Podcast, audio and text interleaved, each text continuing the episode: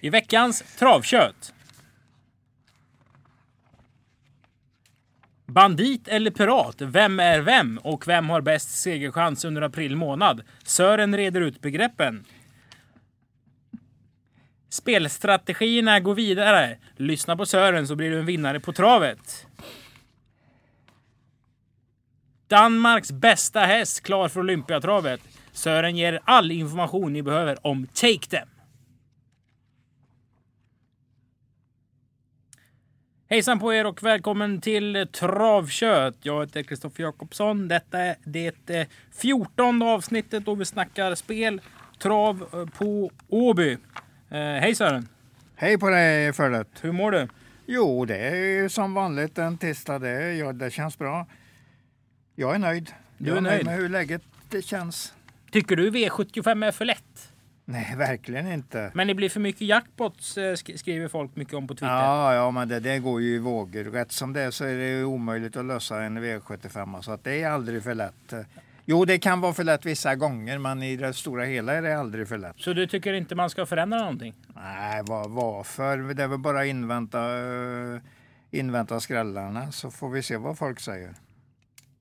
Du låter eh, benhård i den här frågan. Ja, men jag vet ju hur V75 fungerar. Jag menar, det går ju upp och ner. Ena, ena gången är det jättelätt och nästa gång är det görsvårt. Så att det, nej, det ska vara... Men nu har det varit femrätts jackpot i åtta veckor i rad känns det som. Ja, det, men det betyder inte att det är åtta veckor till att det är femrätts jackpot. Nej, ta det lugnt. Sitt, sitt lugn i botten så kommer skrällarna och det blir höga utdelningar. Ja. På framsidan av programmet, Claes Olsson med familjens Save Our Souls. Det är Sandals herrmiddag. Ta med dina vänner och käka lite wienersnitzel. Det lät ju gott faktiskt. Ja, varför inte? Ja. Eh, Det är beer battle och lite annat. Vi har ju även eh, tänk på, ni som lyssnar, förköp din biljett till Olympiatravet. Då får man 25% i rabatt, alltså den är betydligt billigare. Vi har ju eh, faktiskt x antal platser mindre än vad vi haft tidigare på året här på travet på grund av att vi bygger om så vi får max ta in 12 000 personer och det kan vara lapp på luckan och det kan bli eh, långa köer och dylikt. Och det är, om man då har förköpt så är man en vinnare i det avseendet. Kvalloppet bläddrar vi förbi lite elegant. Eller Solosarai O, Robert Berg. Eh, Det är en häst efter Soroya Ladej. Bredvid han har vi sju Vikings Easy. Det här är hästar som kunde starta på V75 känns som. Nu får de kvala. Ja, det blir, de kan ju galoppera. Att ha fått startförbud om man hoppar, eh, galopperar och blir diskad och inte har någon giltig tid, då blir man ju automatiskt eh, att man hamnar, gör ju att man hamnar i kvallopp. Hur mycket tittar du på kvallopp? Mycket. Det gör du? Ja, jag gillar, jag gillar kvallopp. Jag gillar att se hästen innan den ska starta. Därför, mo, motsatt då, så gillar jag ju egentligen inte det här som vi ser här. I lopp tre I lopp tre, nummer 11, You and Me Together Oss. När den aldrig har varit i Sverige och startat sista gången i USA 11 oktober. Ja, gissa på, gissa på. Eller det bästa är naturligtvis att få ett uttalande från stallet eller framförallt Johan Untersteiner. Vad han säger. Det kanske är en liten kratta som inte kan något. Mm, Det är det ju inte, men jag menar, det är inte säkert man gillar hästen när man ser den. Så du tycker det borde vara kvallopp på alla hästar som importeras? Det är nog många med mig som, eh, som håller på mycket med travet som tycker precis så att man ska ha sett hästen innan den startar för att kunna göra en någorlunda bedömning. Då har man i alla fall en egen tanke om hästen. Är det en liten kratta, då är ju inte jag speciellt imponerad. Är det en stor och fin häst, då gillar jag hästen helt enkelt. Ja, ni får gärna diskutera mm, vad ni tycker om det här under hashtaggen travkött. Det kanske inte blir en diskussion eh, för Nej. vi inte är så stora som de andra stora podcastarna är. Men vi kör på vårat i alla fall. Vi kan ju få rubriken Sören rasar mot reglementet. Den klickar. Ja, men eh, jag gillar ju inte det att inte hästarna eh, får visa upp sig eller ska visa upp sig i kvallopp innan de startar i Sverige. Ja. Så var det ju förr i tiden. Alla hästar såg man ju någon gång i ett kvallopp åtminstone så man kunde bilda sig en uppfattning Och om jag vet, hästen. vet att Thomas Urberg som har varit aktiv i Tränarnas riksförbund. De har någonting på gång där med att, att man får köra fler kvallopp. I USA så får man kvala sin häst väldigt ofta och kvala Mm, den fast man inte behöver kvala den till och med. Och jag tror är på väg mot något sådant i, i Sverige också. Nog snack om jackpotar, reglementen och kvallopp. Vi kastar oss in i leken. Lopp 1, det är debutanten. Nollhästar som vi kallar dem. Och ja, Sörens det... öga fastnar på Nej, det är ett svårt lopp. Jag har väl inte sett alla, alla ännu här. Jag har en del kvallopp jag ska titta på som har gått ner i Halmstad innan jag vet riktigt. Men jag, jag är intresserad av flera hästar. Untersteiner-gänget kommer ju med, med två som är intressanta. Diamond Wind, där, nummer åtta, har ju alltså en mamma som vann ehm, Odessa Eastwind vann eh, uh, hoppederbyt och, uh, i Danmark och Gran Sökel i Danmark som fyraåring. För Fläng med Jensen var väldigt bra var väl klart bäst i den, eh, i, i den årgången där. Så att den blir intressant att se. Wishing Stone, pappan där är också väldigt ny, rätt så ny i aveln och mycket intressant. Vann ju kungapokalen här på Åby 2000. Eh, ja, vad blir det? 12, kan det ha varit 12 eller 11 eller 12? 12? Jag tänkte säga 9. Ja, ja, jag kommer inte ihåg årtalet ärligt talat. Fabrice Solois, Jean-Michel Bazir körde. Kan det vara sista gången Bazir körde på Åby?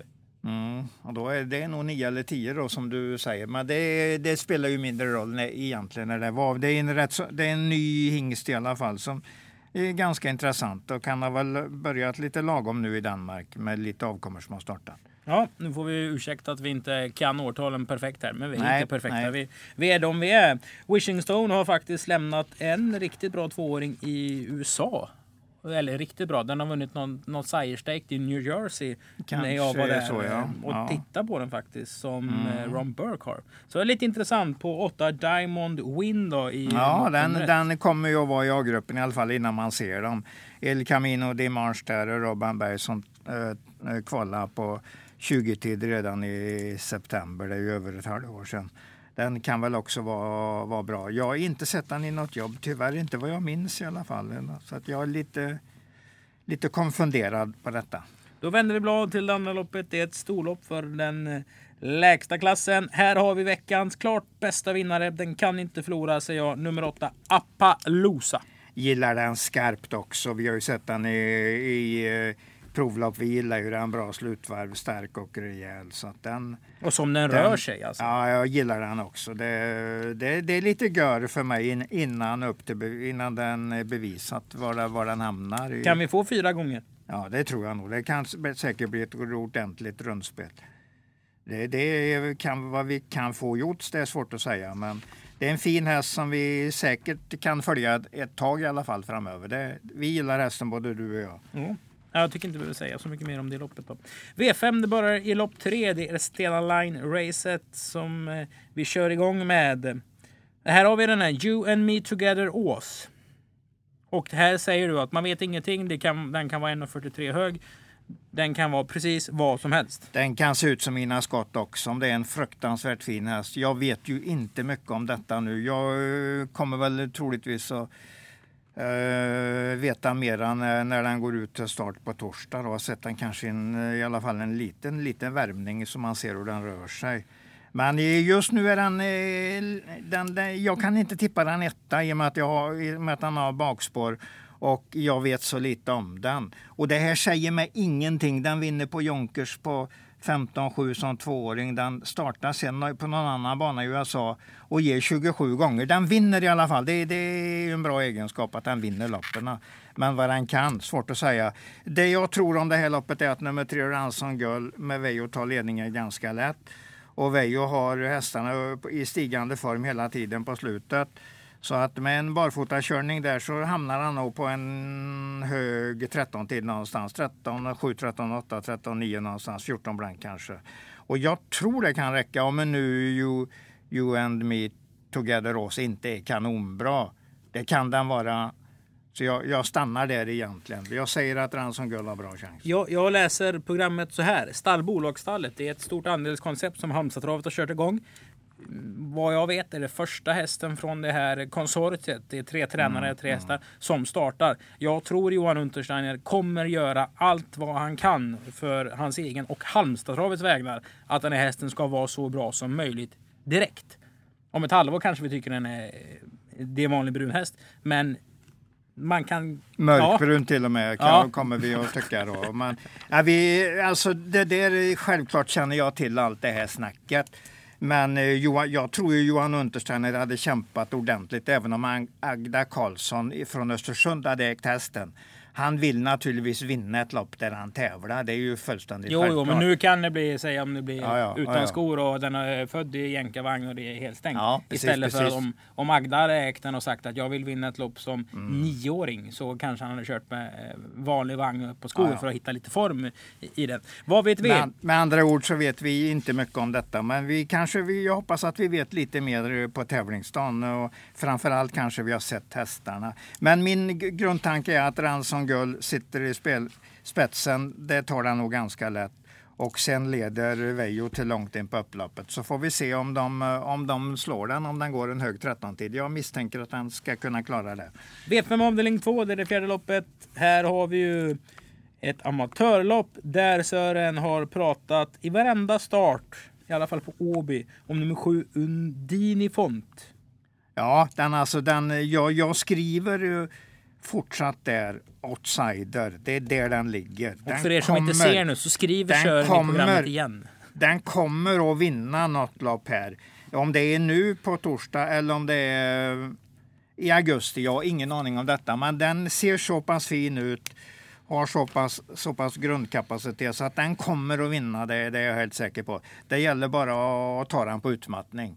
Jag kommer inte att missa den om den vinner. Vilken jag, är din första häst då? Ja, det är ju alltså med det här ekipaget uh, per, per Simon Face nummer 12 och Niklas Benson. Det var ju jättebra senast när den tog emot. Var det verkligen så Men bra? Av, ja, du, du fattar nog inte trav om du inte ser, ser hur bra den var. Den, den funkar, den tog ledningen, svarade en så pass bra häst som Man of War hela vägen och gick bara undan. Det var jättebra. Nu är, nu är det på det viset att hästen är extremt ojämn i sina prestationer.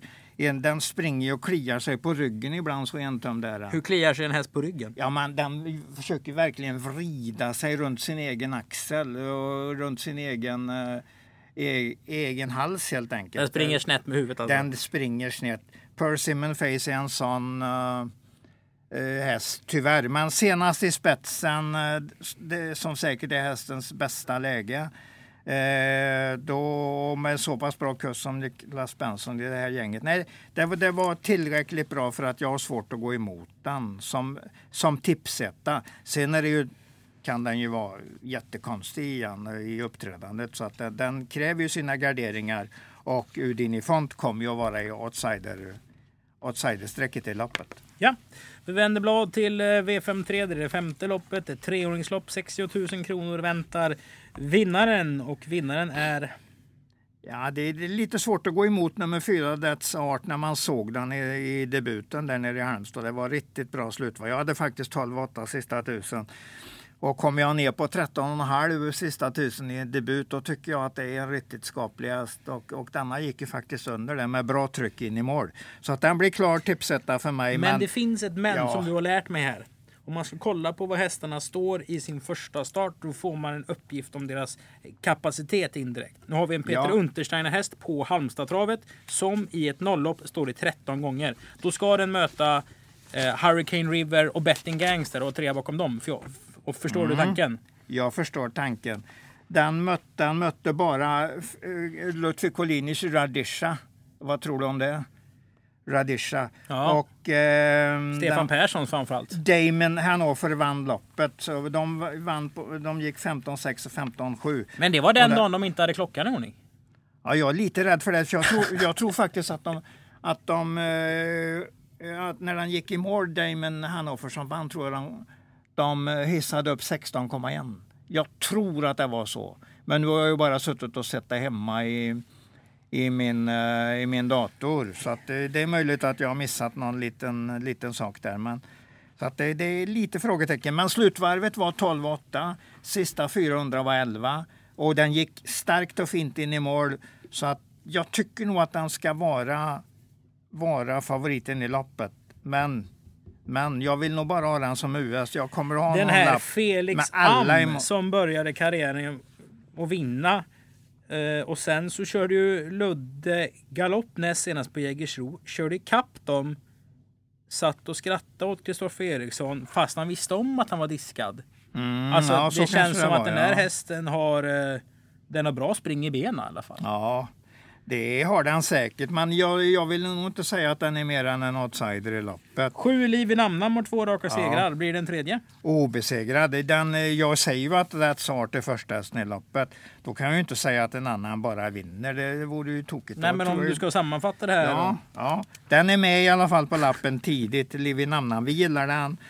Eh, så att eh, den kommer att sträckas tidigt. Jag vill även se Robban Bergs där, vad han verkligen kan. Sargent Danvern, det har ju blivit lite krokiga, krokiga resultat nu.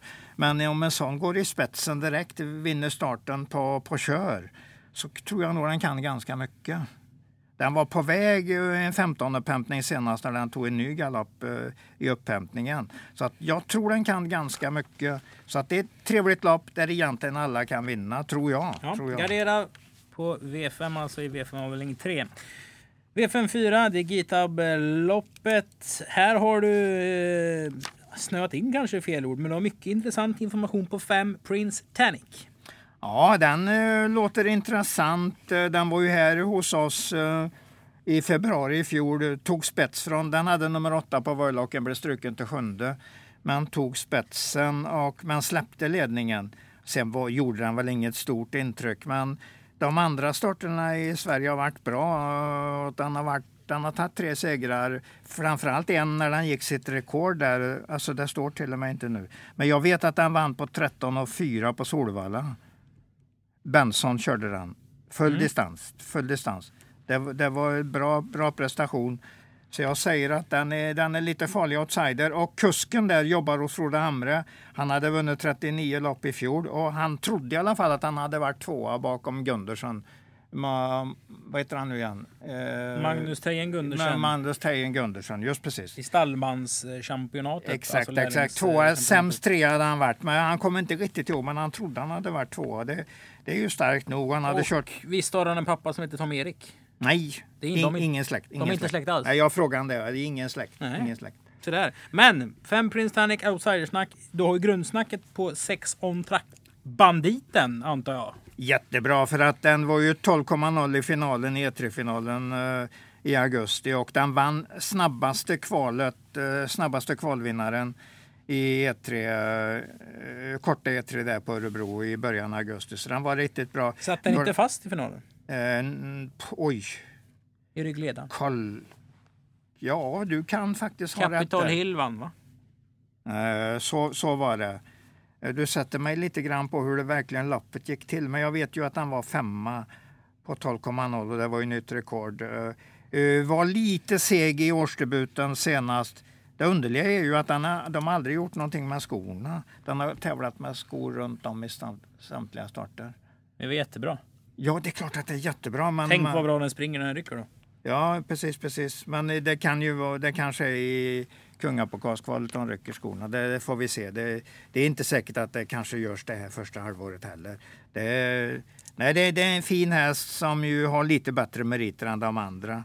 Men prins, eh, prins Tannik är ju, är ju outsiders-snacket i loppet och Global Ten, Tenderness är en eh, Peter Untersteiner-häst som inte har startat nu när det har varit barfotaförbud. Ehm, dyker upp här från ett tredje spår. Så det är en också som kommer att vara ganska långt framme. Men Ja. sex, sex före tre och fem tycker jag i loppet. Här kan det skrälla eller så är det tre hästar som leder med 100 meter. Ja, det är... Får jag hoppas att de kan ungefär 13-1600 för dagen. Då blir det ju ett roligt lopp att se i alla fall. Ja. Jag tror det, jag tror det. V5 avdelning 5, det är APS-loppet. Här har vi många härliga hästar i startlistan tycker jag.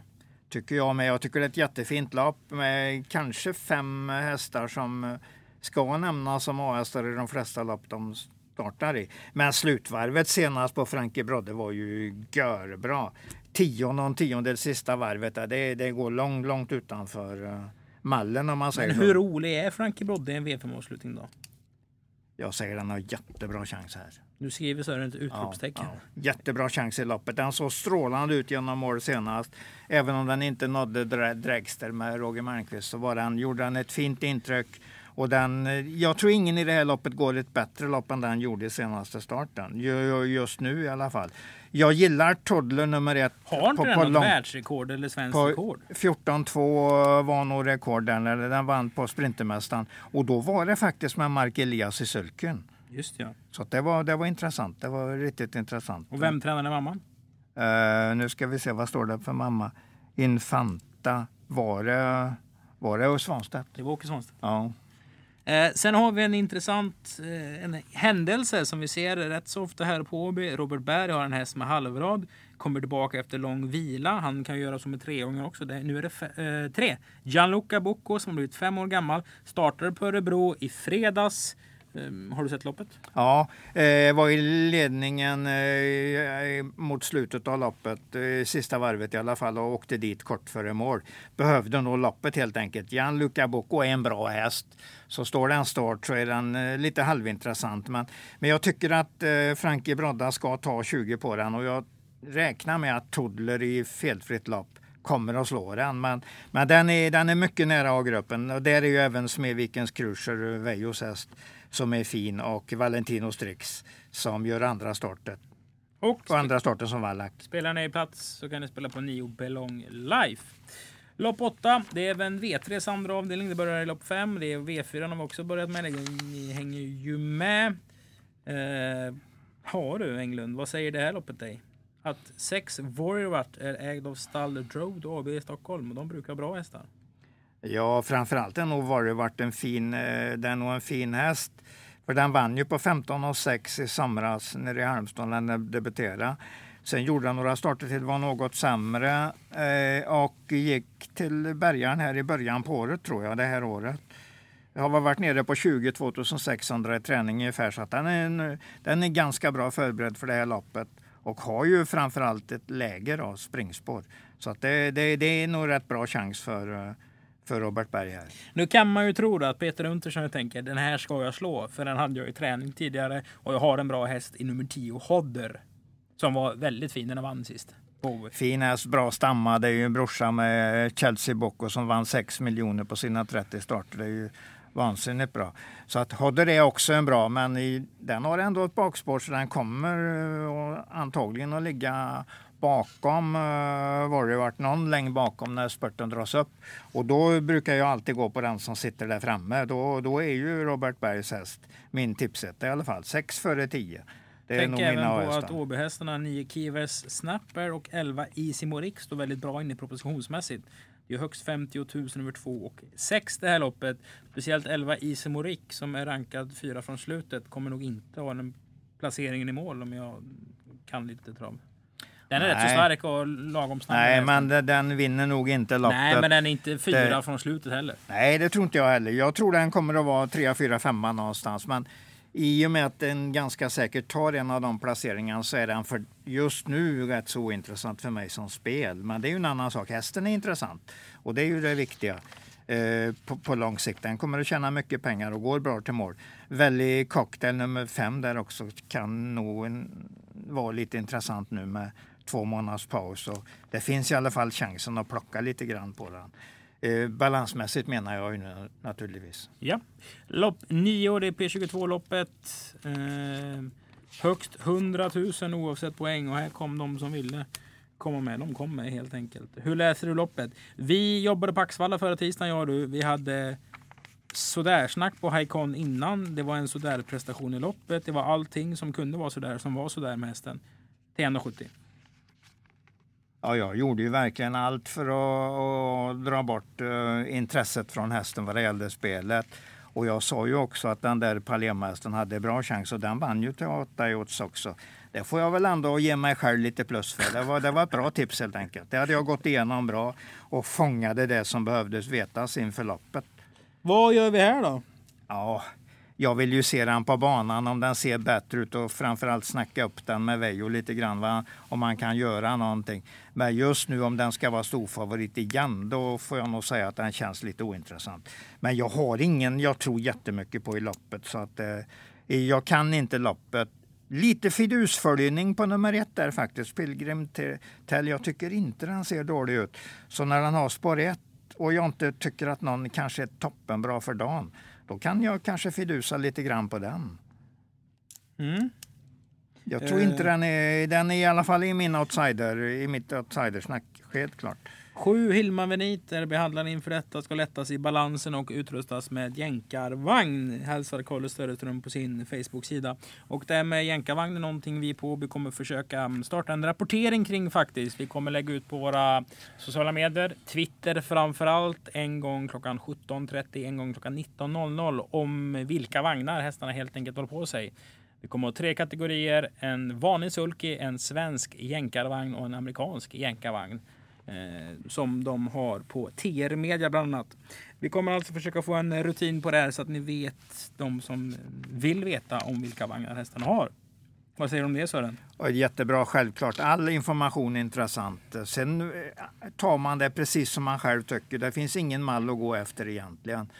Tänk, tänk ja, eget snack och vad har ni nytta utav? Och ta, ta åt er det ni verkligen vill veta och ingenting annat. Inte, inte, för, att, uh, inte för att en, uh, en lång och välklädd herre går och spelar 5000 vinnare på häst nummer två. Det, det ska ni inte i lopp sex, det ska ni inte bry er om utan uh, försök tänk, tänk själv helt enkelt. Vart kom lång och välklädd herre ifrån? Vet inte, men jag har ju såna där grejer med, som jag bär med mig genom åren och som man har sett man och man hör ju folk snacka efteråt. Men den e- enda som eh, det har varit anledning att snacka hur han gjorde på spelet det är ju Jonny Grönsakshallan. Det var ju en legendar på Åby åtminstone 30 år. Var, jag tycker det är den enda som har varit värd att snacka om överhuvudtaget. Så, eh, när det gäller spel alltså. Mm. Ska vi ha ett eh, eget avsnitt med grönsakshandlaren? Han var ju med i Lennart Persson skrev någon, en, en blogg där om den här grönsakshandlaren också. Det ja, verkar vara en man som alla känner till på Åby. Ja, eh, och Axvalla också för den delen. Ja, i hela Sverige kan man ju säga. Men var eh, den här grönsakshandlaren då?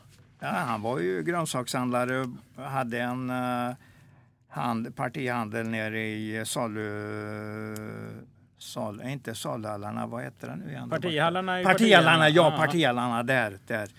Och alla, väldigt, väldigt mycket folk runt sig hela tiden. Och det var en, det var en här, härlig gubbe. Den, jag skrev ju ett kapitel om honom i den där boken som vi hade när vi hade ett, jubileums, ett jubileumsbok. Det var 1986 va? Jo, ja. den gavs ut 50-årsjubileum. Det, det, finns ju ett eh, kapitel om honom eller ett stycke om honom som var nog på en fyra, fem sidor där jag intervjuade honom. Jag Vad var det speciella med grönsakshandlarna? Att han var en sån fin människa. Han var en fantastisk människa. Och han var väldigt rolig. Var han känd för det då? Eller var han känd för att han gick tungt på toton? Han var, ju, han var ju naturligtvis mycket känd för att han gick tungt på toton. Och då, då menar jag tungt på toton. Då var vi, det var på 60 och 70-talet detta. Och han var ju verkligen den som kunde... Nu pratar du med lite lägre röst. Då. Ja, men jag gillar ju Jonne något fantastiskt. Det vet ju alla som eh, känner både Jonne och kanske till och med mig. Då.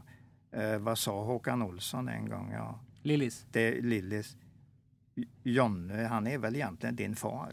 Sa, sa uh, Lillis en gång till mig. Nej, det är han ju naturligtvis. Det var han ju naturligtvis inte. Men vi träffas ju en hel del på travet och vi umgicks ju en del. Så att, och hans fru Maj var ju också en härlig, härlig dam. Så att, eh, nej, de var jättefin, jättefin eh, familj helt enkelt. Och framförallt Jonne med allt han gjorde för travet. Ja. Vann ju lopp. Speedy Fibber, han ägde en, ett stort ett stor som hette Speedy Fibber. Aha. Som var väldigt bra lämnade en kanon som hette Speedway som var en av mina stora favoriter på, i början på 70-talet.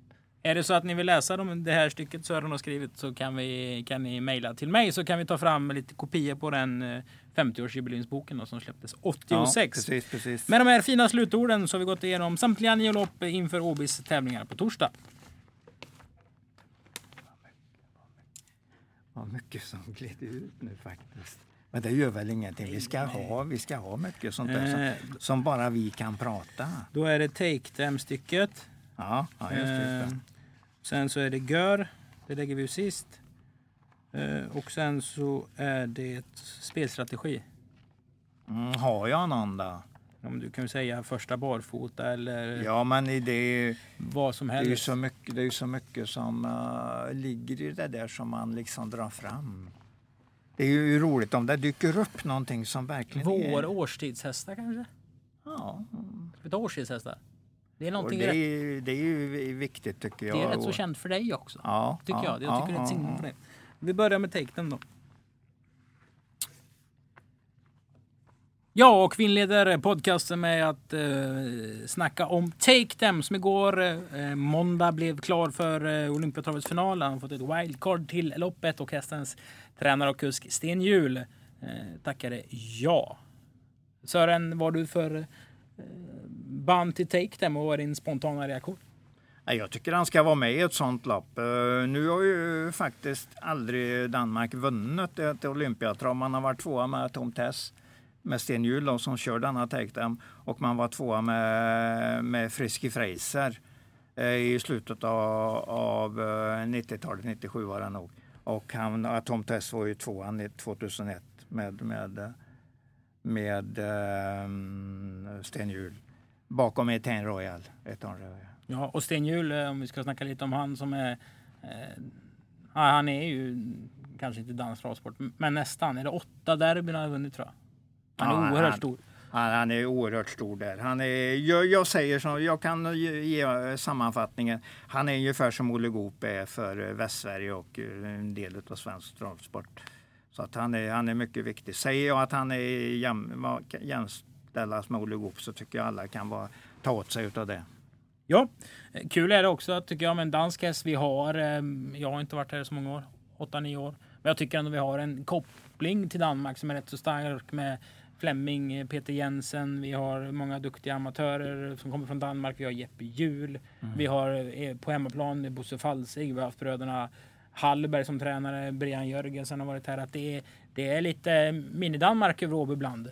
Eh, Även om det är Du större drog koppling. mycket på en gång där och det är ju Ja. precis sant det du säger. Jag har kanske alltihopa. glömt någon. Flemming Nej. var ju tränare här under några år Ja, sedan till exempel. ja, där- han har ju varit tränare på både Axvall och Åby. så Precis, att det- precis. Han har ju tillfört väldigt mycket i Västsverige. Mm, det vore kul. Ja, det är jättekul, jättekul. De är duktiga och nu kommer ju Take Them och det är en, det är en spänstig och grann häst. Tyvärr har han ju för att bli den där kanske nya Tarrock då som han väl aldrig kan bli på grund av alla skador som han har. Han har fått stoppat upp sin karriär så många gånger. Och för oss som är födda på 90-talet, Tarok, vad var det? Ja, det är ju framförallt, eh, eller det, det är ju Danmarks bästa häst genom tiderna. Den var ju helt otroligt bra. De har ju till och med gjort en film om honom och det, det är ju rätt så stort när man gör en film om en travhäst. Mycket. Ja, och... eh, När var han aktiv? eh, slutet av 70-talet. Eh, gick ju, var ju till exempel storfavorit i Åby Stora Pris här 1977 första gången han dök upp. Men då hade han spår 1 i voltstart, voltstart Mhm. och han klarade ju inte det.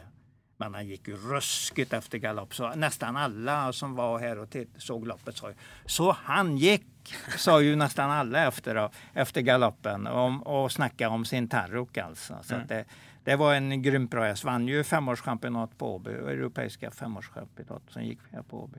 Ja, Ja, det, var, det var en fantastisk häst. Men Take Them kan, kan väl inte riktigt bli så bra för alla skadorna. Men det är, det är en häst som fyller alla program. ja. Det fick nu den danska travsportens historia på kan man nästan säga. Då. Ja, det är ju den bästa. Det är ju Tarrock har ju varit den bästa. Det är inget snack. Då är vi framme vid veckans spelstrategi. Det här är ju det segmentet där Sören förklarar vad han tänker på när han läser ett program. Tanken är ju när Sören har lagt ihop och presenterat hela sina spelstrategier så ska man kunna lyssna på dem och så ska man kunna tippa trav som Sören Englund. Det är en fin tanke om den går att genomföra praktiskt. Vad tror du om det? Ja, men det gäller ju att ha med sig väldigt mycket information och tänka, komma in och tänka rätt helt enkelt. Det är det som är svårt. Det är jättesvårt för mig också, men jag, jag kan ju i alla fall ta bort vissa saker som jag inte tror kommer att inträffa. Ja, och nu ska vi prata om någonting som är kanske lite för många lite flummigt, lite ytligt. Men du har ofta sagt till mig när vi har genomgångar den var bra vid samma period förra året och då brukar jag kalla det att det är en årstidshäst. Och nu är våren här, vi har 15 grader, hästarna släpper päls, eh, människor får sol, hästar får sol, banorna blir snabba och lite lättare och sånt där. Man gör vissa utrustningsförändringar. Men hur mycket kan du relatera till den här årstidsformen som du pratar om? Eh, det kan vara att den är bra vid den här årstiden. kan ju även vara att de tappar form. Det viktigaste är egentligen när de där favoriterna eller de som uh, har de där fina meriterna, när de tappar form. Det är ju den, det viktigaste tycker jag. Att vara med då. Man vet att en häst är inte i kanonform precis hur länge som helst. Så att ofta stannar de ju av där uh, i slutet av uh, året och då, då, börjar, då får man då får man helt enkelt vara lite, sätta lite frågetecken för hur de kommer att vara i nästa start. Hur mycket tid och, och sånt där lägger du inför någon gång och kollar upp vad de har för resultat förra året? Eller tar du bara de du kommer ihåg? Ja, det, det, det, får hänga med någonstans i ryggmärgen att den där hästen den kommer att tappa form när som helst. Nu säger jag bara rent allmänt alltså. Att den häst man vet egentligen att den kommer att tappa formen eh, i november. Och sen kommer det vanliga då, vi får hjälp då utav det barfota förbudet som kommer sen. Det, det, får man ju hjälp och då ställs ju ofta de hästarna av helt enkelt för att vänta på... Så nu är det ännu tydligare? Ja, då blir det ännu tydligare i och med att de ställs av. De, de kommer ju inte ut i loppen helt enkelt när de måste gå med skor och det kanske är en barfota häst eh, för att, den är så mycket bättre på barfota. Ja, men jag tänker på mm. helt enkelt veckans strategi. Årstidshästar. Ja, ungefär så. Man får, man får bilda sig en uppfattning där och, och se vilk, att, att de tappar formen någon gång. Det gör nästan alla hästar. Så att det, det gäller bara att tänka rätt där.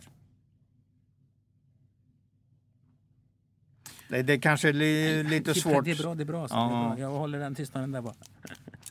Då kör vi gör.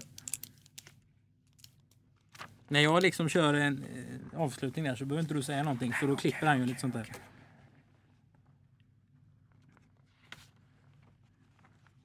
Det bästa är väl Falsix i nollloppet? Ja, eh, men alltså det är ju en, vi vet ju inte vad den ger. Men jag räknar in den någonstans i 4 till 6. Eh, ja. eh, att den ger mellan 4 till 6 gånger. Frankie Brodde och? Och den här naturligtvis On Track Banditen som vi har så pass billigt, billigt lopp nu. Då. Ja. Då är vi framme vid segmentet GÖR, som man kan kanske kalla det sammanfattningen. Nu ska Sören lista de tre bästa spelen som vi har att erbjuda er denna torsdag den 12 april. Det eh, tredje bästa spelet är bra, det näst bästa spelet är mycket bra och det bästa spelet är gör bra. Eh, varför det heter Möcke och Gör beror på att Sören, han är ju från Skaraborg egentligen och då har man lärt sig de här orden vid det här laget. Vilket är dagens tredje bästa spel? Ett bra spel? Apalosha tror vi ju en hel del på i lopp två. Så att den, vi har sett den i provlopp. Det är en grann häst. Och eh, nu när man inte vet liksom riktigt uh, hur folk kommer att ta till sig den så tycker vi att det är ett bra spel. Jag tycker det och du tycker det också för du har ju sett samma saker som jag har gjort. Ja. Lopp två nummer åtta. Eh, vilket ja. är ett mycket bra spel. Det näst bästa spelet för dagen. Frankie Broddes slutvarv senast var strålande, så den vill jag gärna spela. Och i och med att loppet känns så pass spelbart med fyra, fem hästar som går att tro på både i det här loppet och i kommande lopp, de är så pass bra. Så att då, då tar jag den. Den kan ge ett hyfsat odds eh, tre gånger. Det är man ju nöjd om den står i det. Det är inte säkert den gör det. Men, eh, slutvarvet på 10 senast var mycket bra och eh, ruschen in i mål var, ja, det var plus plus helt enkelt. Dagens bästa spel, ett görbra spel. Det hittar vi i V54 nummer. Ja, det är ju en Banditen som jag gillar som häst. Det var ju mycket starkt där i augustistarterna. Nu håller han på och, och eh, kommer i form ordentligt igen. Eh, kommer väl till kungapokalskvalen sen då nästa eh, fredag. Där. Och kommer att visa lite, lite form i den här starten. Och troligtvis vinna på, på en bra tid.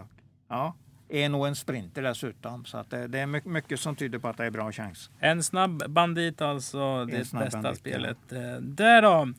Sören pratar lite Kungapokalskvalen. Vi upprepar igen alltså. Gå in på vår hemsida. Förköp din biljett till Olympiatravets final. Då erhåller du 25 rabatt. Olympiatravets final går den 28 april. Vi har kval till pokalloppen på fredagen den 27 Eh, finns ju några riktigt häst, häftiga hästar vi kan eh, se mötas upp i de här kvalen. Vad sägs om Who's Who mot Enterprise? For example, i ett av försöken. Eh, det hade kunnat varit kul. Who's Who eh, ja. kan ju komma och det känns var... ju väldigt intressant. Det var väldigt intressant. eh, Det den visade i finalen senast. Att det, ja, den är på väg uppåt helt enkelt. I kullen kan man säga. Ja, med de framtidssikterna om god travsport här på Åbyfältet så tackar vi för oss denna veckan och önskar er lycka till och på återhörande. Vad har vi för kött igen? Nej, ja, nu ska jag göra mig i ordning för Axvall ikväll. Det är det enda jag ska tillägga. Ja, på återhörande och eh, ha en trevlig vecka. Och likadant.